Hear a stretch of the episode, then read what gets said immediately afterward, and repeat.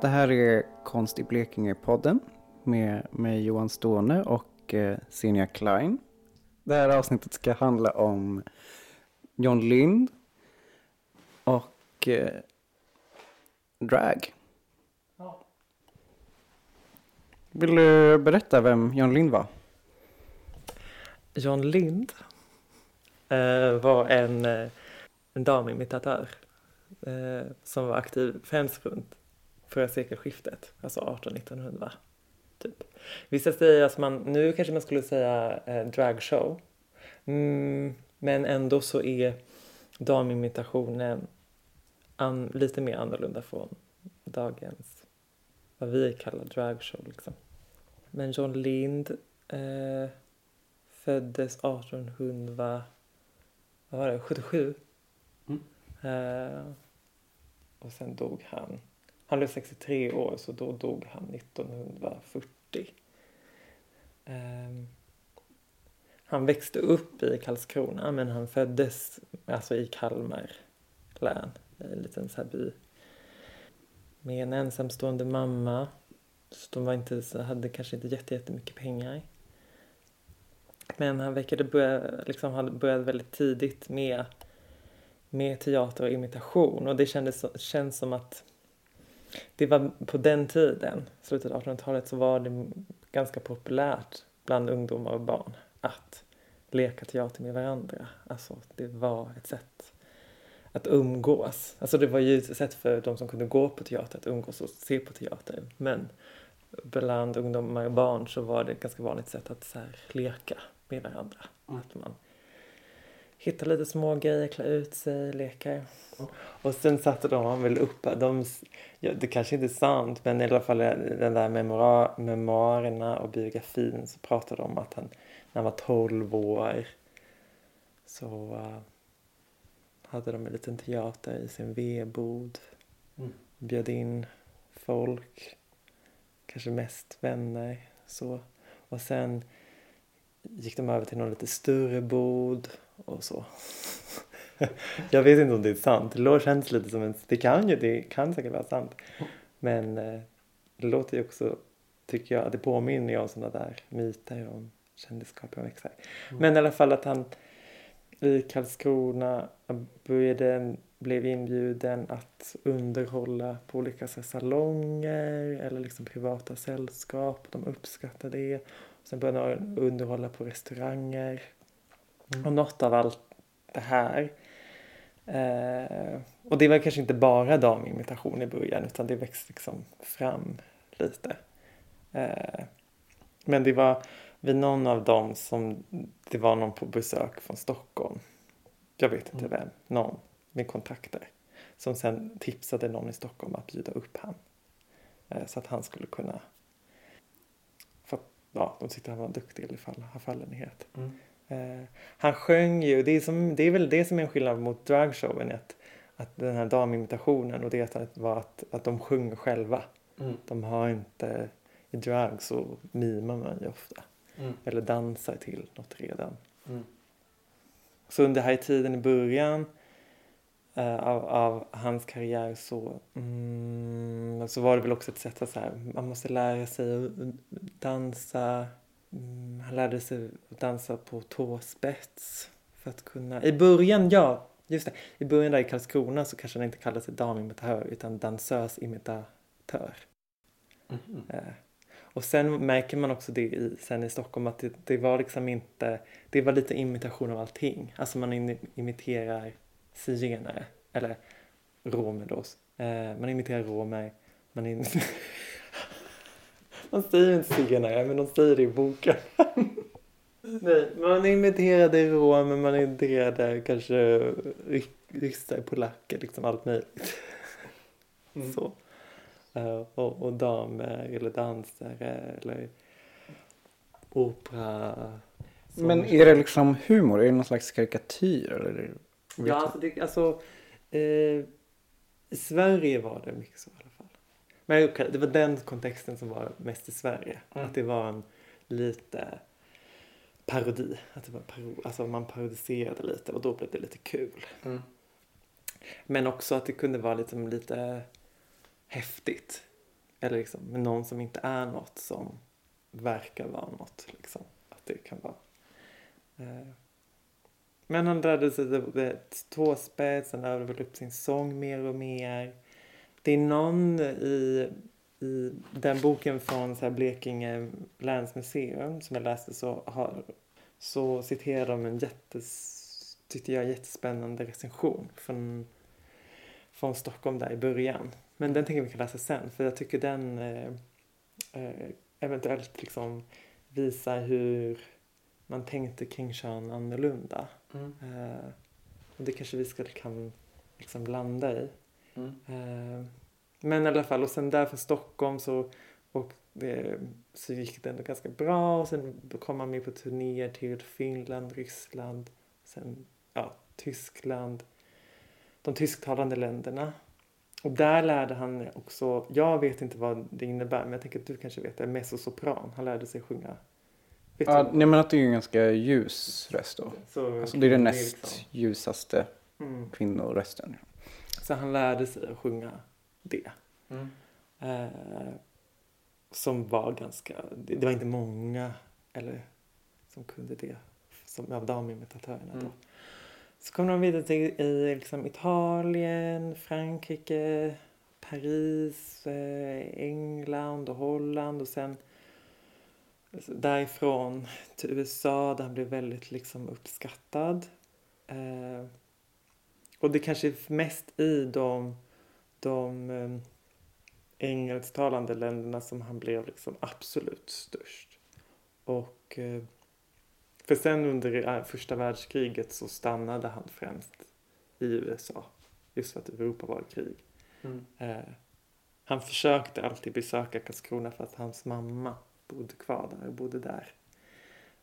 Han träffade också sin fru i, vad heter hon, Stephanie Klein i, eh, i USA.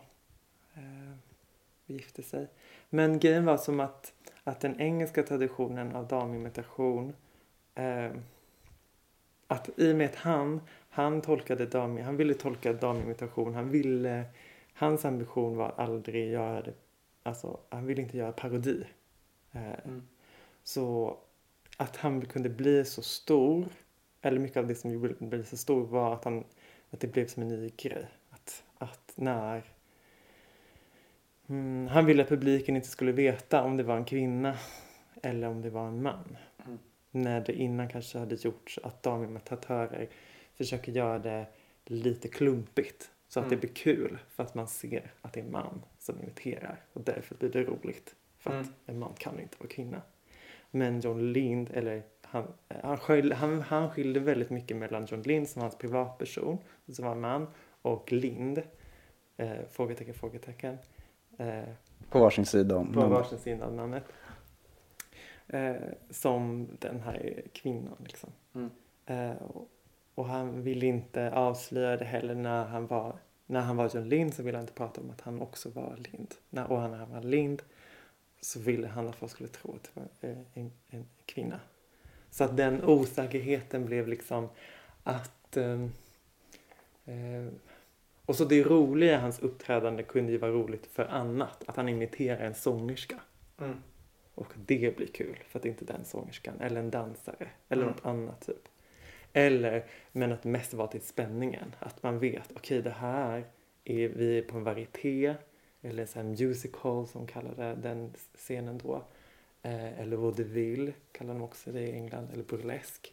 Där det oftast är eh, män som spelar kvinnor liksom. Mm. Men så är det någon som uppträder som man tänker, men det här måste vara en biologisk liksom, cis-kvinna, tänker Mm. de kanske. Och då blir de så här, så vet de inte, så blir det liksom snackis. Mm. Och så vill alla veta och så går det inte liksom att ta reda på typ. Eh, men, eh, så, men det som, de verk, som verkar skilja den med den europeiska från den anglosaxiska traditionen var att, den, att i, i England så hade de haft pantomim. Alltså i, i Europa är pantomim att man är tyst och rör sig liksom. Mm. Medan i England är pantomin ett julspel med skojiga inslag. Och i de julspelen så var det flickor som spelade eh, det var en flicka som spelade eh, alltså prinsen eller hjälten i sagan. Alltså det var flickor som spelade mansrollerna och så ville det vara män, äldre män som spelade de gamla gummorna. Mm. Så det var helt vänt.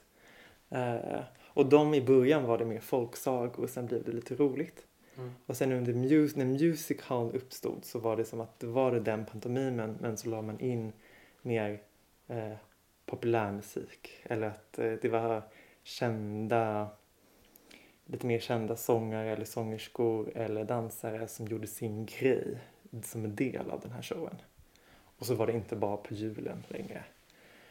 Eh, så då hade det, medan den traditionen inte hade funnits, eh, fanns inte på samma sätt i övriga liksom, delen. Eller i Europa eller Sverige. Så där blev det mest att det var, att det kanske här var del av en, en eh, jag vet inte om det heter, alltså en varieté-tradition som handlade om att visa upp konstigheter. Eh, snarare än den skojiga sagotraditionen som det var i... Mm.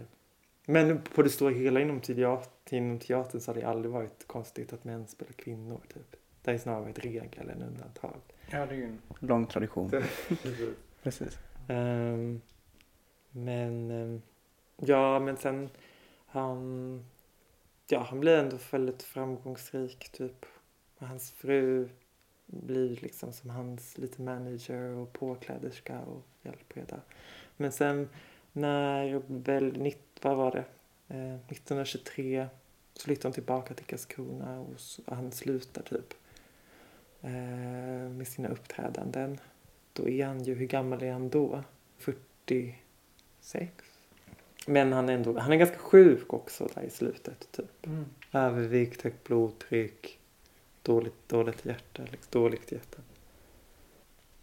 Ja men han är, det är också på grund av den andra, för att, att eh, där, eller på grund av det här med musical, vaudeville, burlesk, att det var som från pantomimen i de engelska länderna så finns, är det främst där han är också ihågkommen i vår tid.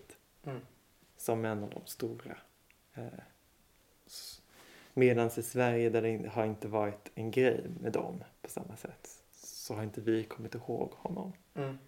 Men, men han var ju så stor där så att ofta ville ju de på som i USA ha hans namn på i föreställningar för då visste de att det skulle sälja slut. Liksom. Så det var ju ungefär som när Jenny Lind turnerade runt där. Att också sälja slut, att det blev en sån här stor hype. Eh, Valde han Lind för att det var liksom bra namn? kanske, jag vet inte. För, för visst hette han, hette Lindström, Lindström först? Ja. först och så tog han bort Ström. Eh, men sen var ju Jenny Lind, alltså de var ju inte så långt ifrån varandra. Alltså de var ju ungefär, jag vet inte när Jenny Lind led, om de var samtida. Men det är ändå, eh, jag skulle tro att han ändå har liksom en vink till Jenny Lind när han väljer Lind Mm. och sätter frågetecken. Som att, och att han sjunger Mm. man inte vet om det är en eller inte. Ehm, nej men jag tyckte det var också inte, de min är spännande men just också med att det då finns, alltså, i, på den engelska scenen finns herrimitatörer. Alltså det är i och med att pantomimen så flickor som spelar män. Mm. Och att det då kunde uppkomma kända herrimitatörer. Mm. Eh, Medan i, kanske i Europa kanske man har skäggiga damer som man visar upp typ. Jag skrattar. Mm. Men där var det... Men de att de hade svårare eh, att de behövde försöka hålla sin privata jag anonyma. För att annars är de, blir de ju väldigt sexualiserade. Alltså moral. Det var ändå en annan moral, alltså samhället utanför. Så de hade Ja, just när det var kvinnor som som gestaltar män. Gestalta män, ja precis. Och att de i, i, i, i herrimitationen så var det också mer tydligt. De, där var det viktigare för dem för att hålla sig säkra att de passerar som män under herrimitationen. Medan också under vissa skojinslag under, inte kanske under pantomimen men under, jo kanske delvis under pantomimen men eh, musical så var det ju vissa män som eh, gjorde sådär att det skulle vara lite parodiskt också. Eh, Men för att de eh, männen hade mer det handlingsutrymmet. Att de kan misslyckas i, utan att folk blir för upprörda Mm. av det de ser. Liksom, för det blir roligt. Men om kvinna, om det skulle se ut som en kvinna går i, i manskläder då blir det liksom för sexuellt. Eller det blir liksom upprörande. Så då Mm. kanske liksom ett ställe skulle stängas ner eller liksom det skulle bli så tolkade jag det. Men ehm, Alltså jag har en, alltså möjligtvis en lite trångsynt fråga. ja. Eller liksom, för att idag då Mm. så är ju drag så starkt kopplat till liksom bögkultur. Mm. Att det är, jag menar att det är liksom bögar som Mm.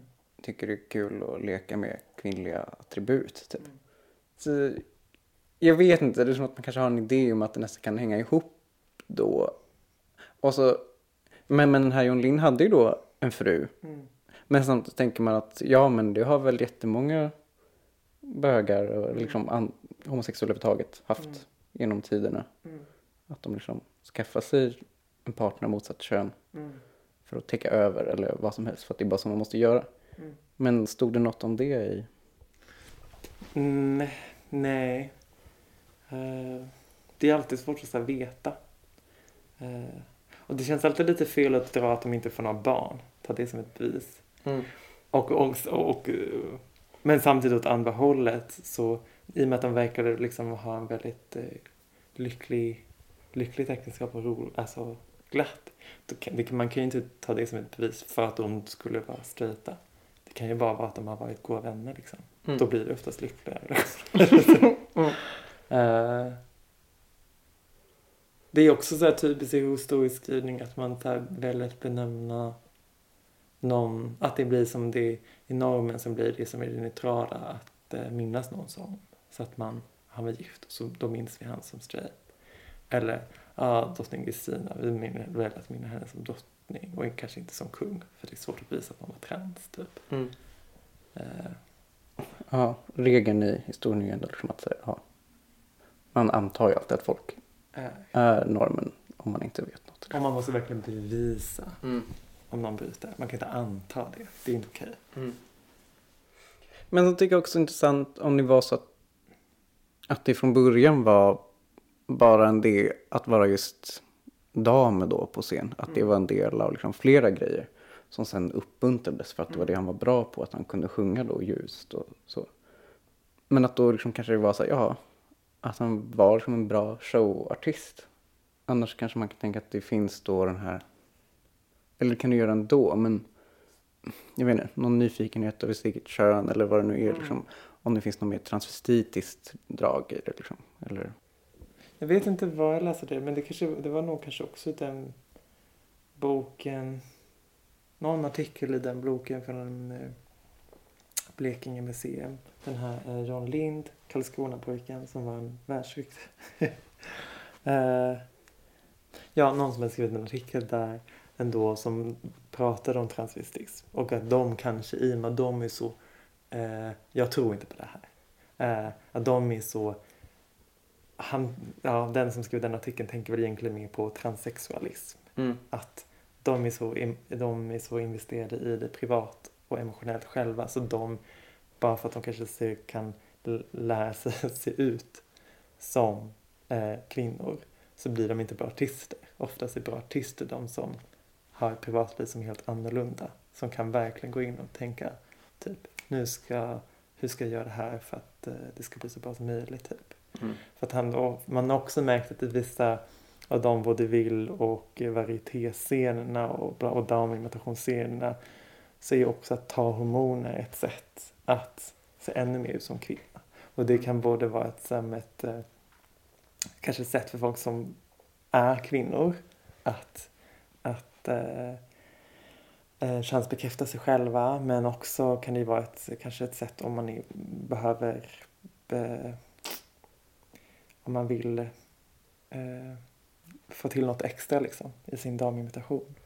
Eh, att eh, få den bättre liksom. Men så drag handlar ju inte om att heller passera som kvinna utan det handlar ju om att typ, överdriva. Mm. Typ. De gör ju inte damimitation. För det är ingen som dam som ser ut som... Nej, nej, ofta liksom är väl drag nu att liksom det inte ens behöver handla om kön, Mm. liksom uttryck. Det kan bara vara så här, jag är utklädd till ett stort,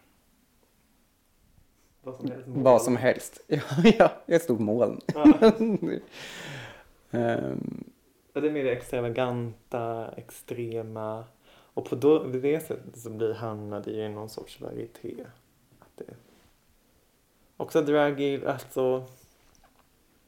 Mm, jag vet inte, vad känner man som publik? Det är väl rätt så...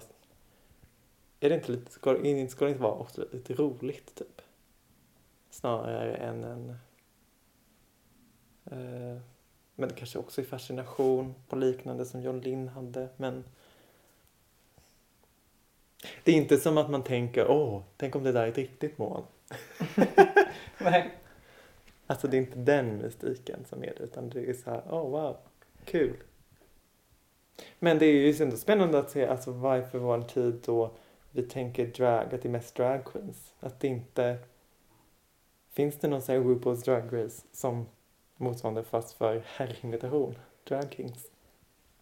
Alltså inget som är känt Nej. på lika stort sätt i alla fall. Ehm, det här kan vi klippa bort, men alltså är det inte är det inte också tråkigare med folk som imiterar Alltså att liksom den manliga uttrycken som inte är lika varierade. Eller liksom, Mm. ja, kostym, mustasch. Eller liksom arbetar man. Det är väl kul liksom men det är ju inte stora peruker och Nej. jättemycket smink och liksom. Men då blir det ju ett tecken på att vara en tid att vi har, det är en sjuk bild av feminitet. Alltså det är ingen, det är ju då parodiskt. Att det är parodiserat, det överdriva, ska vara till det. Eh, snarare än då kanske på John, som John Lind hade när det var, handlade om att göra det jag vet inte om man ska säga seriöst eller genuint men på det sättet går det lika, är det lika möjligt med att det handlar om snarare en passering liksom. Mm. Och då är det lika möjligt för en dam att imitera en herre som en man imiterar en dam. Liksom. Mm. Eh, Mm. Men jag tänker så här, om det nu handlar om att man skulle kunna så här, draga, en dragqueen kan klä upp sig hur som helst som ett moln. Mm. Borde inte då kunna vara också en, en, en kvinna som kan klä upp sig som ett moln? Jo. Men vi samtidigt... Eh, eller ett maskuliniserat moln. Eller Ja, men verkligen. Typ Yoshi. Man kan så här dra... Ja. Man kan, skulle kunna jobba med jättemånga så här uppblåsta fallosgrejer. Leka med så här manspread-grejer. ja, men också typ så här vara någon en gud på ett moln. Alltså en sån stor Ja. muskulös grej. Alltså det är klart det kan vara jättekul. Jag vet inte, det är bara att jag inte sett, mött det riktigt på samma sätt. Men då kanske man bara är performanceartist då. Ja, ja. Då är man konstnär. Och där kan man ju ändå säga att, att konstnär är väl ändå kanske högre status än drag queen. Ja, ja, ja. Mm. Ja, det är ändå intressant att det är så fascinerande. Det kanske också är bra att, att eh, så här, vår tid... eh, Det, kan, det är ju inte tillräckligt spännande eller fascinerande för vår tid att se kanske någon från ett kön som ska presentera sig, alltså passera som ett annat kön. Alltså det har väl inget, alltså det har inget underhållningsvärde. Därför behöver man kanske den här drag queen som är, blir en moln eller en drake. Mm. Eller vad som helst. Då blir det underhållning. Mm. Eh, Men det är ju intressant att det är ju just femininiteten som kan eh, eh, liksom hålla hålla förvandling till så mycket liksom. Att det börjar med mix som queen, alltså ska presentera det och sen genom det så kan öppna det upp till moln, drakar, Mm. jordklot, spioner, poliser, jag vet inte vad som helst. Mm. Mangafigurer. Ja, för jag tänker också att typ så här After Dark skulle kanske inte bli lika stora idag. Typ. Nej. Att det fanns, ja den laddningen, liksom att det var kul, var ändå Mm. roligare för 20 år sedan. Ja. Men den här recensionen i Stockholm, Ja. om jag ska läsa den. Eh, Okej, Okej, det är liksom, han, han uppträdde mm, eh, på, Al, på Alhambra, som var som en föreställningsvarietéställe.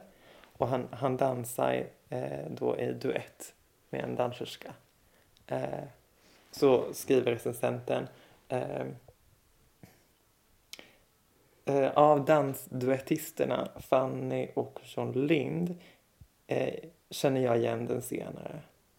Eh, sedan han förra året dansade sig in i allas hjärtan på tivoli. Pojken var då den vackraste av alla ballettflickorna. Vår Herre begick säkerligen ett misstag när han gjorde John Lind till gosse och härav begagnar sig ynglingen nu i vidsträcktaste mån. I första avdelningen, alltså i akten, i första akten, försöker han sig visserligen eh, försöker han sig visserligen i kala kläder, men det ska lille John icke göra. Eh, utan alltid, liksom längre fram i programmet, hålla sig till kjortlarna.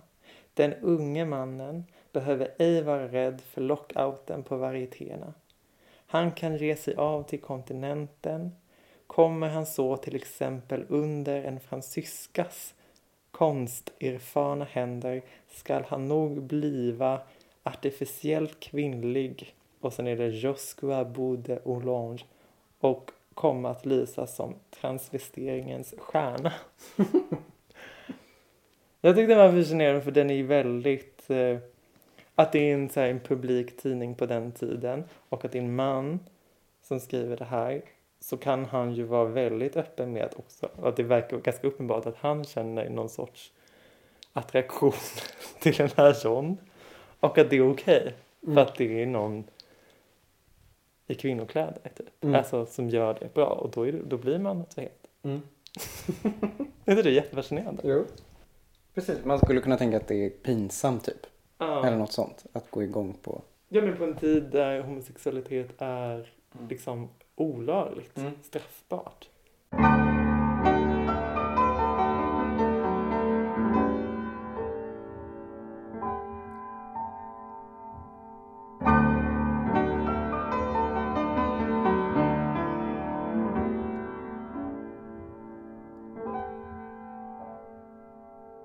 Det finns alltså mer än det här på övervåningen? Ah, så det här är liksom lite mer det som ni ställer ut för besökare? Blekinge museum hade en utställning för eh, ett par år sedan. Och då var det här en del av utställningen i stan och sen så flyttade de egentligen över, Mm. över liksom, del, en liten del av utställningen hit. Kan man säga. Ja, för det vi tittar på är liksom, det är John Linds, det är affischer, eller planscher. Eh, tre eller fyra, Scenkläder eller Scenkläder. scenkostymer. ehm, hans koffertar som han hade när han reste runt hela, hela världen. Lite fotografier. Och sen så ja, det är solfjädrar och det är peruker och det är skor och... och, och ja, som, han var ju tåspetsdansare. mm. Eh, Men det här är som sagt bara en liten, liten del av samlingen. Finns ju mycket mer. Det finns affischer, pressklipp och mycket fotografier. De samlade ju allting. Den som samlade var ju hans... jag spelar Ja. in. Eh, bra. det, var bra, det var att veta. Ja. Den som samlade allt det här var hans fru Stephanie Klein som hon hette, som också är en väldigt intressant person. Som var född i Odessa i Ryssland. Ehm, de, när de flyttade tillbaka till Karlskrona på 20-talet så samlade de ju allting. Mm. De sparade allt vad de hade, hade som ett eget nästan litet museum kan jag tänka mig hemma. arkiv liksom. Och sen så fick Blekinge museum allting på 70-talet i en stor donation. Vilken skatt liksom. Ja, den är ju den är rolig på många sätt. Dels är det ju fantastiska föremål, kläderna, det är häftigt. Sen är ju livsödet är ju intressant, men också det faktum att han folk som kommer hit och tittar på det, de vet ju, man vet vem Jenny Lind är, Mm. men man vet inte vem John Lind är. Det är lite så.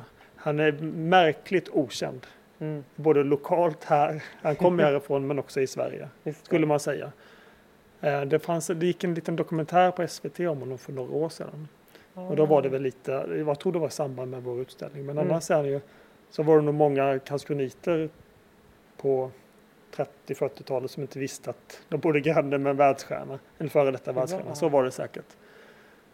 Eh, Och det är också lite intressant faktiskt, men det kanske har att göra med hans, hans underhållningsform. Ja, Hans uttryck ja. var inte jättepopulärt i Sverige. Det Mm. var mycket större i eng engelsk music hall och Mm. amerikansk vaudeville och varieteater och Mm. amerikansk burleskteater. Mm. Ja, för affischerna är liksom, vi har med, är det, det kyrilliska bokstäver där? Ja.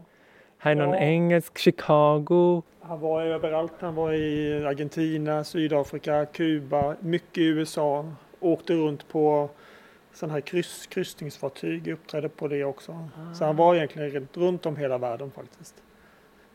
Ehm, Det är skamligt att han inte är mer känd eller ihågkommen egentligen. ja, lite konstigt. Sen när han fick på Frimurarkällaren, han gjorde också bejublat uppträde här hos frimurarna Ja. i Karlskrona. Det, det är spännande i sig tror jag. Ja.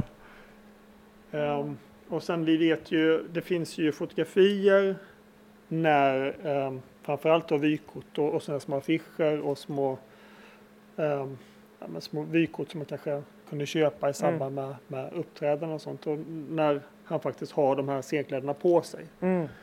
Så den i mitten där, den hade han när han uppträdde i Chicago eller i USA. Spelade rollen som The Queen of Ice.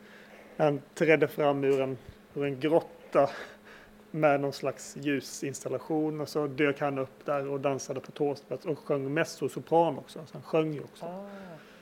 Det skulle liksom detaljer av Det är hermelinpäls. hermelin, ja, precis, det är en hermelinrand, en hermelinkant. Mycket paljetter. Jättemycket paljetter, verkligen. Väldigt pråligt får man väl säga. Mm. Men en ganska litet plagg, men han var ju ganska kort. Han var ganska kort.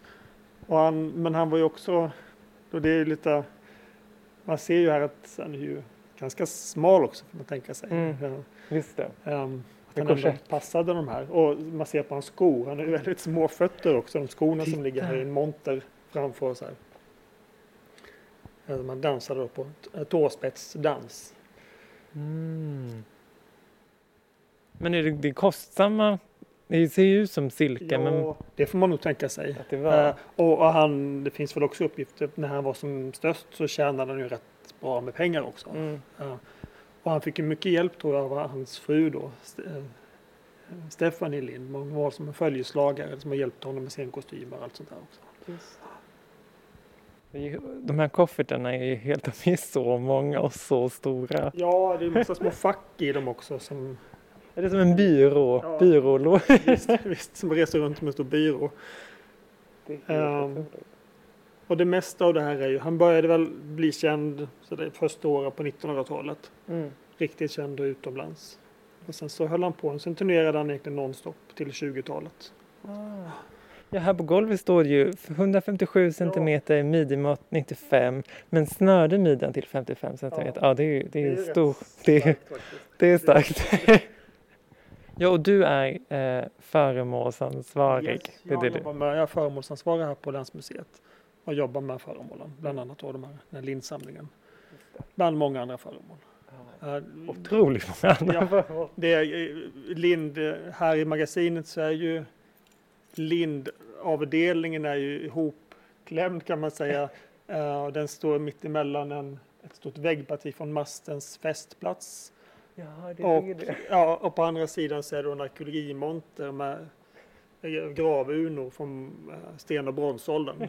Så det är ju väldigt stort spektra man får jobba med. Ja.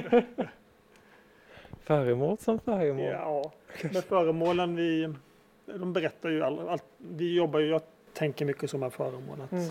de små vardagliga sakerna kan öppna upp till någon slags större förståelse. Just Just John Lind-samlingen kan ju, är ju intressant på, på många sätt. Handlar om underhållning, nöjesliv, såklart även om manligt, kvinnligt. I och med att han gick in i den här eh, kvinnorollen som artist. Just det.